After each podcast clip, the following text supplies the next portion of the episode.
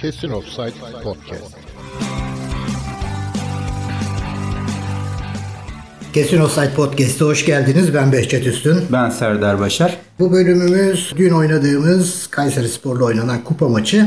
Ee, arkasından da e, işte hem Vedat'a ve, e, verilmeye çalışılan ceza biraz da işte bu e, yine Bankalar Birliği ve kulüp harcama limiti üzerine olacak. Önce dünkü kupa maçımızla başlayalım. Kısmen yedek, kısmen ilk 11 ağırlıklı bir kadroyla çıktı e, Ersun Yanal maça. Neler dersin maçla ilgili? Ersun Yanal kupa maçlarına daha cesur bir kadroyla çıkıyor haliyle. 5 ön libero ile çıkmadığı için daha pozisyonu bol e, maçlar söz konusu oluyor. İşte Ferdi e, ilk 11'deydi. Deniz aslında güzel e, denemeler de yapıyor tabii e, hoca. Çünkü bu kıtlıkta evdekilerden bir şeyler yaratmaya çalışıyor.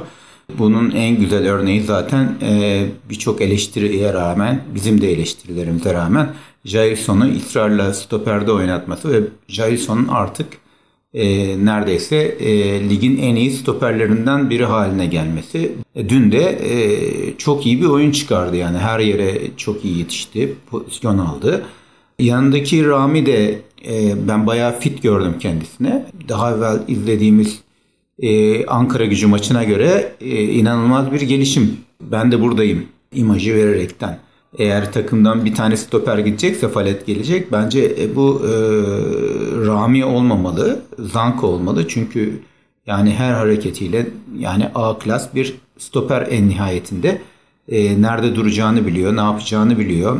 E, sakin. Bir hücuma da çıktı. Hücuma zaman da zaman. çıktı. Bir kafa şutu, bir yani bir şutu vardı, bir de kafayla şutu vardı. İkisi de e, etkili oldu. E, bu arada hocanın e, e, sol bekte Deniz'i denemesi mecburiyetten böyle denemesi yani hoşuma gitti. Çünkü hoca yani e, elindeki malzemeden bir şeyler çıkarmaya çalışıyor en nihayetinde. E, sağ tarafta da Dirar'ı denedi. E, Gustavo'ya gelince e, Emre olmadığı zaman bütün sorumluluğu üzerine alıp takımın komutanı haline geliyor. Ben e, neredeyse hani tanrı modunda orada oynuyor. Böyle bir şeyi çok uzun zamandır Aurelio'dan beri görmemiştim. Ben hani çok beğendim gerçekten. Çok çok iyi oynadı. E, Mevlüt açısından da çok sevindim. Çünkü e, Santrafor demek özgüven işi demek. Yani Mevlüt'ün kimse e, yani Mevlüt o kadar ileri yaş almış bir oyuncu değil. Geçtiğimiz sezonda çok iyi bir istatistik elde etmiş bir oyuncu. E, bu kadar kolay vazgeçilmemeli. Çok az fırsat geldi eline tabii. Santrafor hem oynadıkça hem özgüven buldukça e, kendini bulur. Dün ilk denemesinde yine aslında iyi pozisyon aldı, iyi vuramadı. İkincisinde de çok zaten gol çok güzeldi. Yani bir İngiltere Ligi'nde bir, bir gol izliyormuş gibi yani büyük takımların bir golünü izliyormuşuz. Kalitesinde bir gol oldu. Ferdi çok güzel vurdu. Mevlüt'ün golü de e, çok güzeldi. Cruze'de de bir çıkış görüyorum. O da bayağı bir istekli oynadı. Nitekim ben dün e, takımı çok beğendim. 2-0 olduktan sonra zaten Kayseri Tefor'da artık e, yani teslim olmuş gibiydi. Bizimkiler de artık lig maçını düşünmeye başladılar. Şimdi cumartesi günü çok önemli bir maç var. Bu maçta bu Başakşehir maçında e, Kayseri Spor maçında parlayan oyunculara da şans verilmesi gerektiğini düşünüyorum. Yani bence takımın Abi sen düşünüyorsun da vermeyecek. Sağ, sağ açığı sağda Ferdi oynamalı. Şimdi Ferdi, Ferdi'den daha başka yani bir alternatif orada aramaya gerek yok. Zaten Moses de gitti. Ee, sol tarafta e, Rodriguez oynayacağına sağ tarafta Ferdi oynayacak. Artık o da fiziken çok güçlenmiş gibi geldi bana. Yani ilk 11 de oynayacak hale iyice gelmiş. Bundan sonra şeyi yok yani. Sen öyle diyorsun da ben Ersun Yanal'ın yine öyle bir radikal değişiklikler yapacağına ihtimal vermiyorum. Biraz saplantılı bir e, tavır sergiliyor bu sezon en azından öyle Evet, diyelim. saplantılı, yani saplantıları ilgisi yok. sezon- şey saplantıları olabilir var ama e, ben futbolcuları da iyi hazırladığını düşünüyorum. Yani futbolcular bir gelişim görüyorum her pozisyondaki oyuncuda. Bir tek oyuncu da göremedim. O da Tolgay. Şimdi dünün sahadaki 22 oyuncu işte değişikliklerle beraber onları da katarsak hepsinin içerisinde sahanın yıldızı Gustavo'ydu tartışmasız. Dediğin gibi Emre'nin yokluğunda hakikaten Gustavo sorumluluğu tamamen üstleniyor. Öbür türlü o paylaşımı bir türlü beceremiyorlar Emre ile. E, Gustavo da yeteneğini yeterince gösteremiyor. Ama tek başına olduğu zaman ileride, geride, sahanın her tarafı hani tam çapa dediğimiz oyuncu, oyunu onun etrafına kurabileceğiniz bir oyuncu modeli oluyor. E, yani kesin kez öyle. Yani Emre'den de yararlanmak istiyorsa Ersun Hoca e, ikinci yarılarda belki e, oyunun kitlenebileceği dakikalarda rakip de biraz yorulmuşken hani Emre'nin yaşı ve fiziğini düşünürken hani o zaman değerlendirmeli. İlk 11'de çıkartmamalı diye düşünüyorum. Onun dışında Dirar ve Jailson'a çok büyük alkışlar. Sırf oyunları anlamında değil. Özellikle Dirar bu takımda kadro dışı dahi kaldı.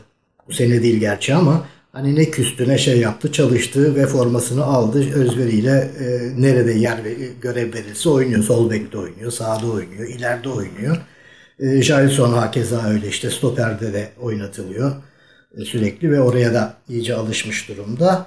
Bir parantezde Ferdi'ye açmak gerekiyor. Yani Fenerbahçe'nin oyuncu parlatıp satması gereken bir dönemde, böyle bir maddi krizin olduğu dönemde bütün kadro içerisinde bak abartmıyorum. Bütün Fenerbahçe kadrosu içerisindeki en yetenekli oyuncu tartışmasız. Ha, fizik olarak zayıf derseniz, tecrübe dersiniz falan bir takım eleştiriler tabii ki getirilebilir genç bir oyuncu ama en yetenekli oyuncu olduğu tartışılmaz. Bileklerine müthiş hakim, acayip hızlı, adam geçebiliyor, şut çekebiliyor, pas verebiliyor ve bunu cesurca yapıyor. Yani paslarını böyle saçma sapan sağa sola vermiyor. İşte rakibin üstünden e, aşırtma yapmayı deniyor, ara pas deniyor. Kesinlikle kesinlikle Çok güzel bir vardı. olması gerekiyor. Kaçtı. Ee, yani Ferdi'ye çok daha fazla süre verilmesi gerekiyor şu takımda. Özellikle e, Kadıköy'de rakibin hani kitlemeye çalıştığı 11 kişi otobüsü kalenin önüne çektikleri maçlarda falan o kilitleri açabilecek adam e, Ferdi. Maalesef Ersun Hoca Ferdi'den yararlanmayı çok tercih etmiyor. Çocuk şimdiye kadar 12 maç oynadı. 4'ü Türkiye Kupası, 8'i e, Süper Lig'de. 4 gol 2 asistle oynuyor ki Süper Lig'de oynadı dediğim 8 maçta toplam 181 dakika süre almış. Yani 8 maç derken 8 total maçta değil 181 dakikasında sadece görev almış.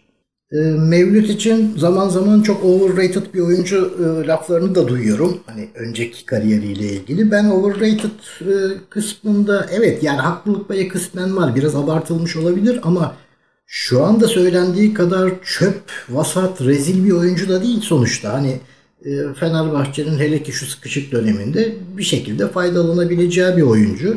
Tabii ki Vedat'ın olması etkiliyor. Vedat'ın arkasında ikinci adam olduğunu bilmek, e, formayı kolay kolay alamayacağını bilmek etkiler mutlaka ama e, onun da işte Dirar'ın mesela küsmemesi gibi, işte Jailson'un küsmemesi gibi e, bir şekilde onun da ikna edilip bu takımın bir parçası olduğunun anlatılması lazım. Cruze'ye gelince Cruze konusunda evet yani biraz daha istekli, biraz daha gayretli e, olabilir ama ben hala da bu takıma yeterli katkıyı verdiğini düşünmüyorum. Birincisi onun yeteneğinde bir adam için inanılmaz pas hataları yapıyor. Yani çok saçma sapan paslar deniyor ve çok başarısız deniyor bunları. Şeyini bilmiyorum. Pas yüzdesini falan istatistiklerini görmedim ama gerçekten e, çok fazla top kaptırıyor. Yani bu anlamda ben mesela yani sen Ferdi'yi sağ kanatta denemekten bahsettin. Bana kalsa ben Ferdi'yi Kuruze'nin yerinde denemeyi tercih ederim. Ferdi çünkü o anlamda çok daha yetenekli bence. Ya işte sağ kanatta gidecek daha iyi bir oyuncun yok zaten. Var Deniz Ee, var. Deniz. Yani işte Deniz de bence Neyse maçı e, kapatalım.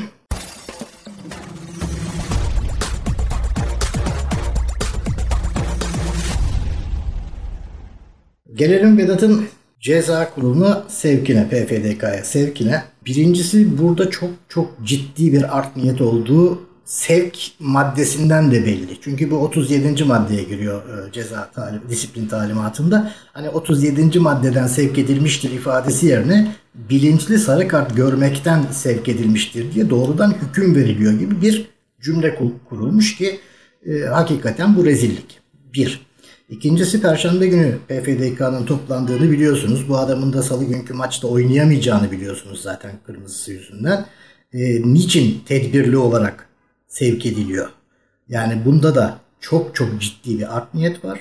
İşte niyet okuma ile yürütmeye çalışıyorlar bu işi. Buradan bir ceza meza çıkacağını ben düşünmüyorum. Her ne kadar karıştırmak için her türlü olayı deniyor da olsa konfederasyonun içindeki bir grup e, buradan ceza çıkması benim e, düşünceme göre imkansız. Bu bir. E, ikincisi maç esnasında fark etmemiştim. Sonra sosyal medyaya düştü. Beşiktaş Sivas maçından bahsediyorum.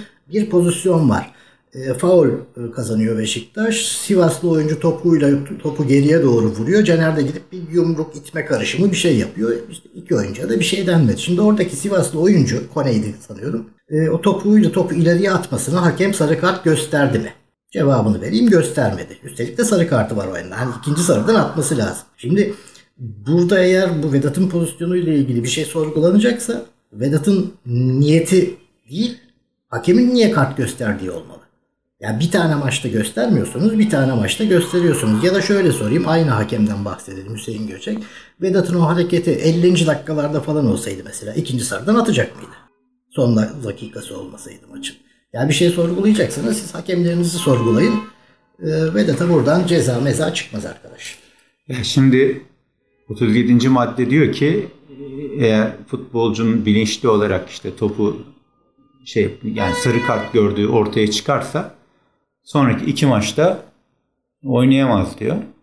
Dolayısıyla bu maçlardan biri Kayseri Spor maçı oluyor sanıyorum değil mi? Yok 1 artı 2 gibi bir şey oluyor. Kırmızı kart zaten otomatikman ha, öyle oynayamıyorsun. Mi? Sonra iki maçta ceza geliyor. Başakşehir ve Trabzon maçları oluyor. Saçma sapan bir şey yani. Üç maç üst üste adam topa dokundu diye hani ceza veriyorsun. Burada sportif olayın dışında hakikaten yine komplo teorilerine gireceğiz ama yani insanları sokağa dökmeye çalışan bir e, ekibin çalışması mı var anlamadım. Yani Türkiye'nin çünkü birçok konuda e, sosyal birçok alanda hassas noktaları kaşınarak insanlar sokağa dökülmeye, bir kargaşa çıkartılmaya çalışıldığını biliyoruz. E, Fenerbahçe'de mesela 3 Temmuz'dan da görüldü biliniyor çünkü buna e, bunu yapabilecek güçte. Dolayısıyla hani Fenerbahçe taraftarını mı sokağa dökerek Türkiye'de bir karmaşa yaratmaya çalışıyorlar? Ben gerçekten anlamış değilim. Ya bu kadar saçma sapan kör gözüme parmak şey olmaz. Hani bakın Vedat'ı normal prosedür gereği biz PPDK'ya sevk ediyoruz. Oradan da işte karar çıkacak bakacağız diyebilirsiniz. Ama bunun e, dili vardır. Dediğim gibi 37. maddeden tedbirsiz olarak gönderirsiniz. PFDK'da yok öyle bir şey kardeşim der biter iş. Siz bunu hem tedbirli hem de bilinçli bilmem ne görmek falan filan diye böyle doğrudan hükmü Adam veren öldürmekten bir, falan gibi. Hükmü veren bir cümleyle gönderiyorsanız ve aslında bu ikinci sarı kartı gördüğü harekete Türkiye liglerinde hakemlerin ya pozisyonların belki %90'ına kart mart çıkartmazken böyle bir pozisyondan e, eğer ceza çıkartmaya çalışıyorsanız bunda ben ciddi bir tahrik e, arıyorum açıkçası. Ben de e, bu cezanın verileceğini düşünüyorum. Göreceğiz. Kısa bir ara daha verelim sonra bir üçüncü konumuz daha var. Bu da işte bu meşhur harcama limiti vesaire konusu.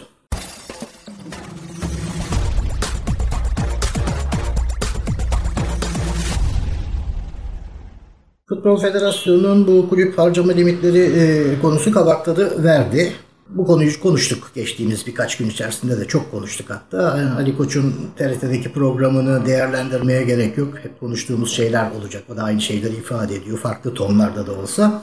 E, fakat dün mesela tahkim enteresan bir karar verdi. Hiç kimse bir şey anlamadı o karardan. Yani çok garip bir dille yazılmış. Hatta hukukçular o Emin Özkurt'un falan filan da yorumlarını gördüm ben. Maçtan yani şey medyada sormuşlar. Ya o bile tam ifade edemiyor. İşte bu işte geçici olarak şey yapıldı da kurula geri dönecek. İşte süreç uzayacak falan gibi yuvarlak ifadeler kullanmış. Tam olarak ne anlama geldiğini onlar dahi anlatamadı. Böyle saçma sapan bir karar. Hani topu taca atmak değil. Topu kale arkası tribün üstünden denize menize attılar gibi. Acayip bir durum söz konusu. Fakat esas söyleyeceğim o değil. Esas söyleyeceğim şimdi bu niyet okumalarda var ya meşhur e, federasyonumuzun meraklı olduğu. Trabzonspor Bilal Başaçıkoğlu'yla sözleşme imzaladı. Kap bildirimi aynen şöyle. Şirketimiz ile serbest statüde yer alan profesyonel futbolcu Bilal Başaçıkoğlu arasında opsiyon hakkı kulübümüzde olmak üzere 2,5 yıllık anlaşma sağlanmıştır. Anlaşmaya göre oyuncuya 2019-2020 sezonu için 162.500 lira garanti ücret ödenecektir. Yani bu sezonun ikinci yarısından bahsediyoruz. Opsiyon hakkı şirketimiz tarafından kullanılırsa oyuncuya 2020-21 opsiyon sezonu için 2 milyon 750 bin lira garanti ücret. Ondan sonraki sezon için de 2 milyon garanti. Yani 8,5 misli falan bir anda değeri artıyor çocuğun. E, Türkiye yarım sezonda. Trabzon'da oynayınca Yani- artıyor tabii yani. Yani hiç düşün- okuyacaksanız bunu okuyun. Burada esas dolandırıcılık var. Burada esas Etik e, ama çok etik. talimatlarla oynama var. Burada evet etik var. Yani her bir halt burada var. E, bunu ne e, federasyon ne de mümtaz medyamız e, pek de umursuyor gibi gözükmüyor. Bu konuyla ilgili garip bir çıkış yani şaşırtıcı diyeceğim garip demeyeyim de şaşırtıcı bir çıkış da Fatih Altaylı'dan geldi. Hiç beklemediğimiz bir yerden bugünkü yazısında e, çok kısa bir kısmını okuyacağım. Tamamının linkini koyarım bölüm notlarına. Şöyle diyor Fatih Altaylı. Evet Ali Koç haklı. Fenerbahçe haklı. Daha önce televizyondaki spor saatinde söylediğim gibi Türk futbolu ve Türk futbol takımları bankaların kucağına itiliyor hem de futbolu korumakla ve geliştirmekle görevli Futbol Federasyonu tarafından. Ama Ali Koç sorumlu bir başkan gibi davranıp bu kulübün geleceğini bankaların eline bırakamayız demeseydi şimdi Fenerbahçe'de transfer yapabiliyor olacaktı. Bu yüzden Fenerbahçe haklıdır. Kulüplerin bankalara boyun eğmesi ve bu yolla belki de bağımsızlıklarını kaybetmeleri dayatılmaktadır. Bu yapılan Türk futbolunu bankalara peşkeş çekme ve bankalar vasıtasıyla Türk futbolunu kontrol altına alma planıdır. Fenerbahçe'nin asıl direnişi bugünkü direnişidir. Taraftar bu konuda yönetime destek vermelidir. Futbol Federasyonu da bankaların değil futbolun federasyonu olduğunu hatırlamalıdır. Bu kutsal görev galiba Fenerbahçe taraftarına düşmektedir. Yani her konuda olduğu gibi bütün görevler FETÖ'yü işte karşı direnmek Fenerbahçelilere düşmüştü. Şimdi de bu ele geçirme operasyonu durdurma işi Fenerbahçelilere düşüyor sanki. Ee, Ali Koç'un yönetim anlamında birçok şeyini eleştirmişimdir. Bundan sonra da eleştireceğim şeyleri çıkacaktır belki ama bu konuda sonuna kadar destekliyorum.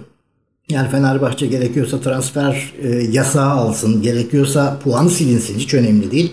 Ancak şu bankalar birliği ile yapılan anlaşmaya girmemesini sonuna kadar destekliyorum. Her türlü bedeli ödemek kaydıyla. Burada bir şey daha belirteceğim. Ali Koç bunu çünkü çok sık tekrarlıyor televizyonlara çıktığında, bankalar birliği ile ilgili konu sorulduğunda.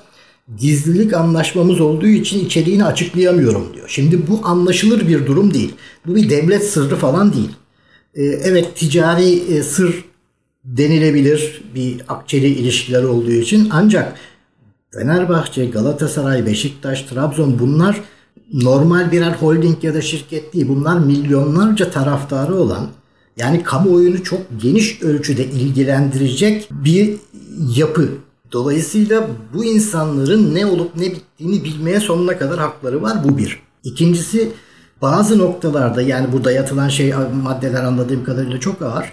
Bu maddeler için mesela yönetim kurullarının yetkileri var mıdır ben bilmiyorum. Belki de Ali Koç bunu çünkü zaman zaman söylüyor. Genel kuruldan yetki almam gerekiyor diyor. Şimdi genel kurul dediğiniz Fenerbahçe Genel Kurulu'nda işte son seçimde 20 bin kişiye yakın insan vardı. Yani daha kalabalık da olabilir. Ee, O gün gelmemiş olanlar var vesaire. Şimdi 20 bin kişiye siz bu anlaşmanın içeriğini e, yetki alabilmek için anlattığınız anda gizlilik mizlilik kalmıyor zaten. Üçüncüsü bunlar kamuya açık şirketler e, sermaye piyasasında işlem görüyorlar. SPK'da. Yani bu- bunu nasıl gizleyebiliyorsunuz ya böyle bir anlaşmayı? Ben mesela Galatasaray'ın, Beşiktaş'ın, Trabzon'un yönetimlerinin hangi yetkiyle, e, hangi sorumlulukla bu anlaşmaları imzaladığını bilmiyorum. E, SPK da büyük ihtimalle bilmiyor ama bunlar kamu şeyde e, borsada işlem görüyorlar hala. Nasıl oluyor bu işler? Dediğin gibi burada bayağı kötü kriterler söz konusu olabilir. Mesela banka e, şey demiş olabilir Bankalar Birliği. Kulüp temerrüde düştüğü an ben onun hissesini alıp e, işte bir başkasına satabilirim falan gibi el koyup. Tabii ama Yani işte bunları yabancı- insanların ama işte hakkı bu çok var. tehlikeli bir şey. Yani orada şimdi genel kurul üyeleri var. Bu dernek sonuçta. Bütün yani bu şimdi Fetra Fatih Altaylı bunu yazmış ama onlar için maalesef Galatasaray için iş işten geçmiş durumda. Bunlar olmuşsa Galatasaray kuyruğu kaptırmış. Abi şimdi Yani- şöyle, şöyle bir durum var. Tam dernek ve şirket olarak ayrı yapıları var. İçlerinde hani böyle bir sürü teknik ayrıntılar vesaire var ama Bankalar Birliği ile anlaşma yapıp transfer e, tahtası açılıp ya da işte belli bir limit söylendiği zaman Galatasaray'a ister derneği olsun ister AŞ'sine olsun fark etmez. Bunun yarattığı heyecan dalgasıyla vesaire borsada bir şekilde hisseleri iniyor ya da çıkıyor. Fenerbahçe için de aynı şey geçerli. Yani bunun dernekle de yapsanız bu sözleşmeyi, şirketle de yapsanız fark etmez. Bunu gizli tutmak hiç kimsenin haddine değil. Bankalar Birliği'nin hele hiç değil. Ayıp ya. Ayıp da değil. Bu skandal yani rezillik. Bilmiyorum bayağı karanlık işler. Türk futbolunun geleceği bayağı puslu bir atmosferde. Ya Yani- bugün bugün böyle çok seviniyorlar, mutlu oluyorlar Fenerbahçe'nin durumuna e, rakip e, takım taraftarları. Ya buradan hepsine söyleyeyim yarın öbür gün siz bu borçları ödeyemediğinizde devlet tekrardan kı- kıyak çekecek bu işleri uzatacak falan zannediyorsunuz. Avucunuzu yalayacaksınız. Büyük ihtimalle kulüplerinize devlet kayyum mayyum atacak, el koyacak. Ondan sonra da bir Katarlı şeyhe bilmem nereye satılacak. Öyle kalacaksınız ortada ne olduğunu anlamamış. Ya, Ya bugün bu bazı kulüplerin umurunda olmayabilir. Yani bilmiyorum belki Trabzonlar der ki ya bizim şirketimiz şey kulübümüzü Katarlı alsın ne olacak falan diyebilir. Ama Fenerbahçeliler olarak demiyoruz tabii bunu. Ama e, en kolay bunu dememesi gerekenlerden biri de Galatasaray olması lazım. Çünkü hani burada listenin de bir ağırlığı var. E, en nihayetinde bunlar da bu şeylerini, haklarını e, kaybetme durumuna gelecekler. ya bugüne Ba- kadar Bambaşka bir yapı olacak. Bugüne kadarki o korunma kollanma durumları e, bir ömür sürecek zannediyorlar. Öyle olmayacak o iş. Çok ağlayacaksınız. Onun için bir an önce iş işten geçmeden gelin Ali Koç'a destek verin hepiniz. Bu saçma sapan yapılardan kurtulun. Hakikaten kulüpleri kurtarmak için bir plan yapılsın. Kulüpleri el koyup da daha sonra birilerine peşkeş çekmek için yapılan bu planın içinde lütfen yer almayın. e, diyorsun ama e, zaten maç oynanırken kural değişmeyeceği için onlar kaptırmış durumda şirket kulüplerini. Evet bu bölümümüzde o zaman kapatalım. Hoşçakalın. Hoşçakalın.